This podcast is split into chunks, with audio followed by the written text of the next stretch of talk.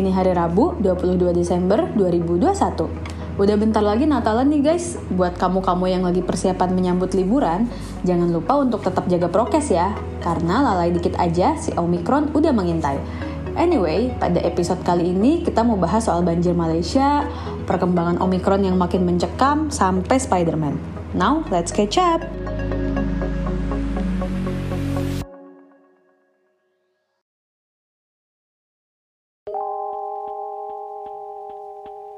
Thank you.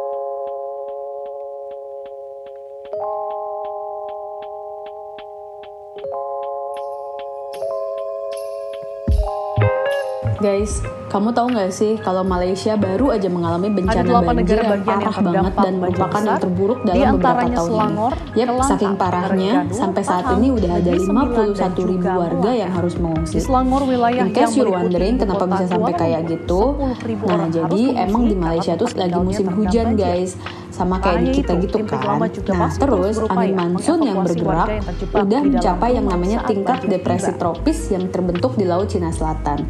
Terus anginnya bergerak ke arah semenanjung Malaysia sampai ke pantai barat. Hasilnya ya hujan terus-terusan hampir di seluruh negeri dan volume air meningkat tajam hingga menyebabkan banjir.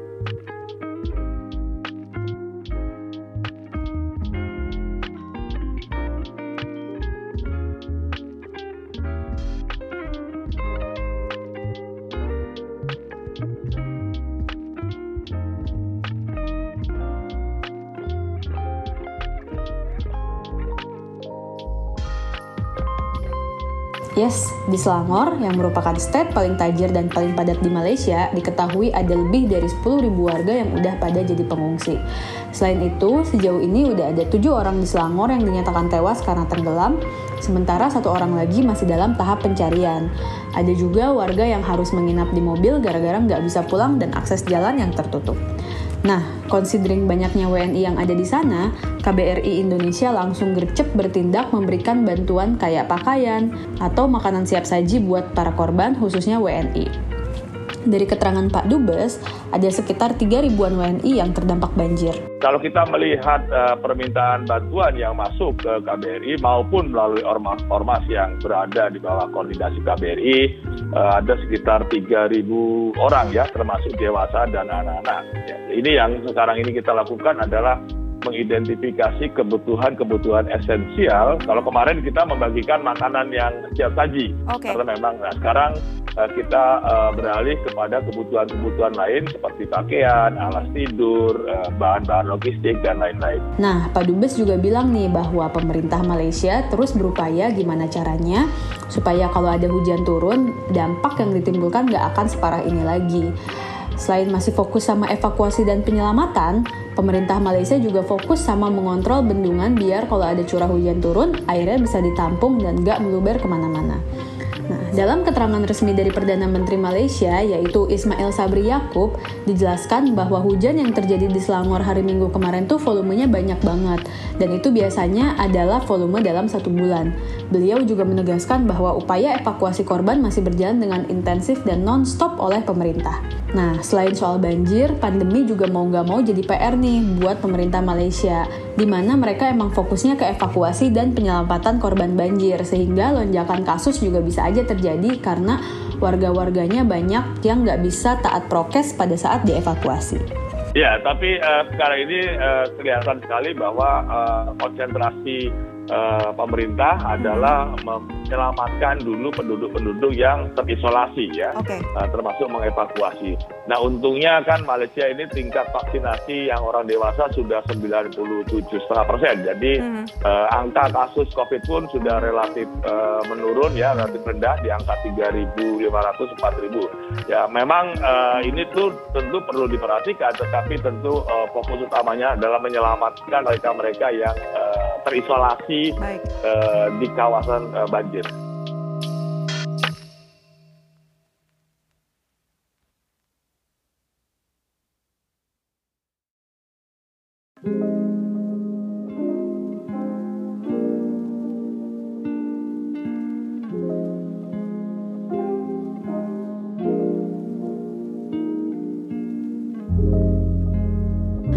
Now, let's talk about the new kid on the block aka the Omicron. Ya nih, COVID lagi nggak kelar-kelar guys. Baru aja kemarin, WHO ngingetin kita supaya mikir-mikir lagi kalau emang kita punya plan untuk ngerayain tahun baruan. Kenapa? Ya karena si Omicron ini. Jadi dalam keterangannya itu, Dirjen WHO yaitu Tedros Adhanom Ghebreyesus bilang bahwa dengan perkembangan yang terjadi saat ini soal Omicron, maka mungkin banget kalau acara pesta tahun baruan sebenarnya mending di cancel aja. Beliau juga menyebut bahwa mendingan mengcancel event tahun baruan daripada hidup kita yang di cancel. Buset, dark banget ya. All of us are sick of this pandemic. All of us want to spend time with friends and family. All of us want to get back to normal.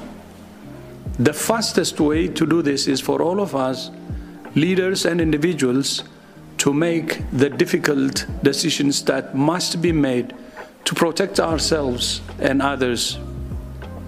In some cases, that will mean canceling or delaying events, just as we have had to cancel the reception we plan to have with you today.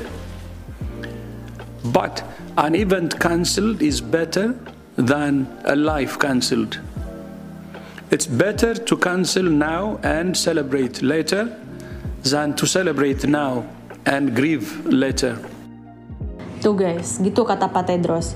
FYI, emang belakangan ini kondisi penyebaran varian Omicron makin mencekam.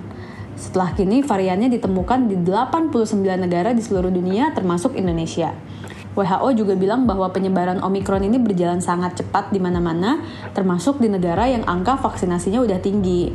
Karenanya, ada kemungkinan nih Omicron mengambil alih posisi varian Delta sebagai varian COVID-19 yang paling dominan secara global saat ini. Terus guys, gara-gara menyebarnya varian ini, banyak juga negara yang akhirnya mengcancel acara akhir tahun mereka sampai kembali memperlakukan lockdown. Misalnya, Prancis dan Austria yang memperketat aturan masuk, Paris yang mengcancel perayaan kembang apinya, sampai Belanda yang lockdown. Meanwhile di Indonesia, pemerintah juga udah melarang WNA dari Inggris, Denmark, dan Norwegia untuk masuk ke Indonesia. Ini in addition to 11 negara yang udah dilarang dari awal ya guys. Nah, terus apa aja sih gejala dari Omicron ini? Well, ada macam-macam, mulai dari tenggorokan gatel, demam, kelelahan, hingga nyeri dan pegel-pegel di seluruh tubuh. Hmm, ya udahlah, gak usah ke mana-mana dulu deh ya.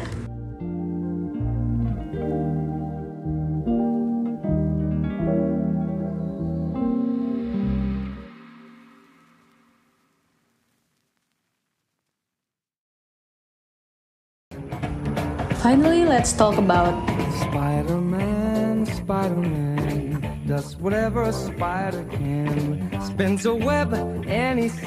Spider-Man No Way Home. Yoi guys, kabar terbaru buat kamu para movie goers karena ternyata film terbarunya Spider-Man yaitu No Way Home yang dibintangi oleh Tom Holland dan Zendaya ini jadi film yang paling laris di tahun 2021. Gak cuma itu aja, namun Spider-Man juga berhasil jadi film kedua yang meraup keuntungan tertinggi sejak pertama kali penayangannya di Amerika Serikat, yaitu mencapai 121,5 juta USD. Nah, sedangkan posisi pertamanya diduduki oleh Avengers Endgame dengan keuntungan sebesar 157,4 juta USD.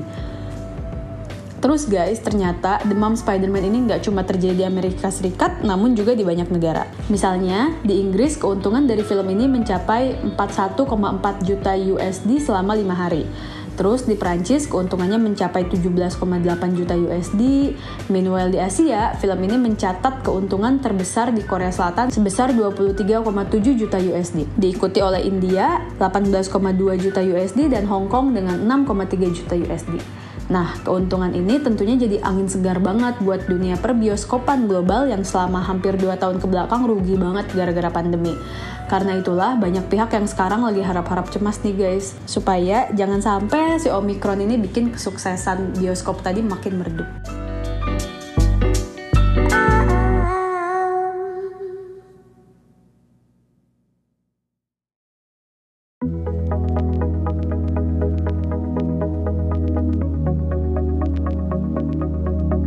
Demikian di senap hari ini, sampai jumpa hari Jumat.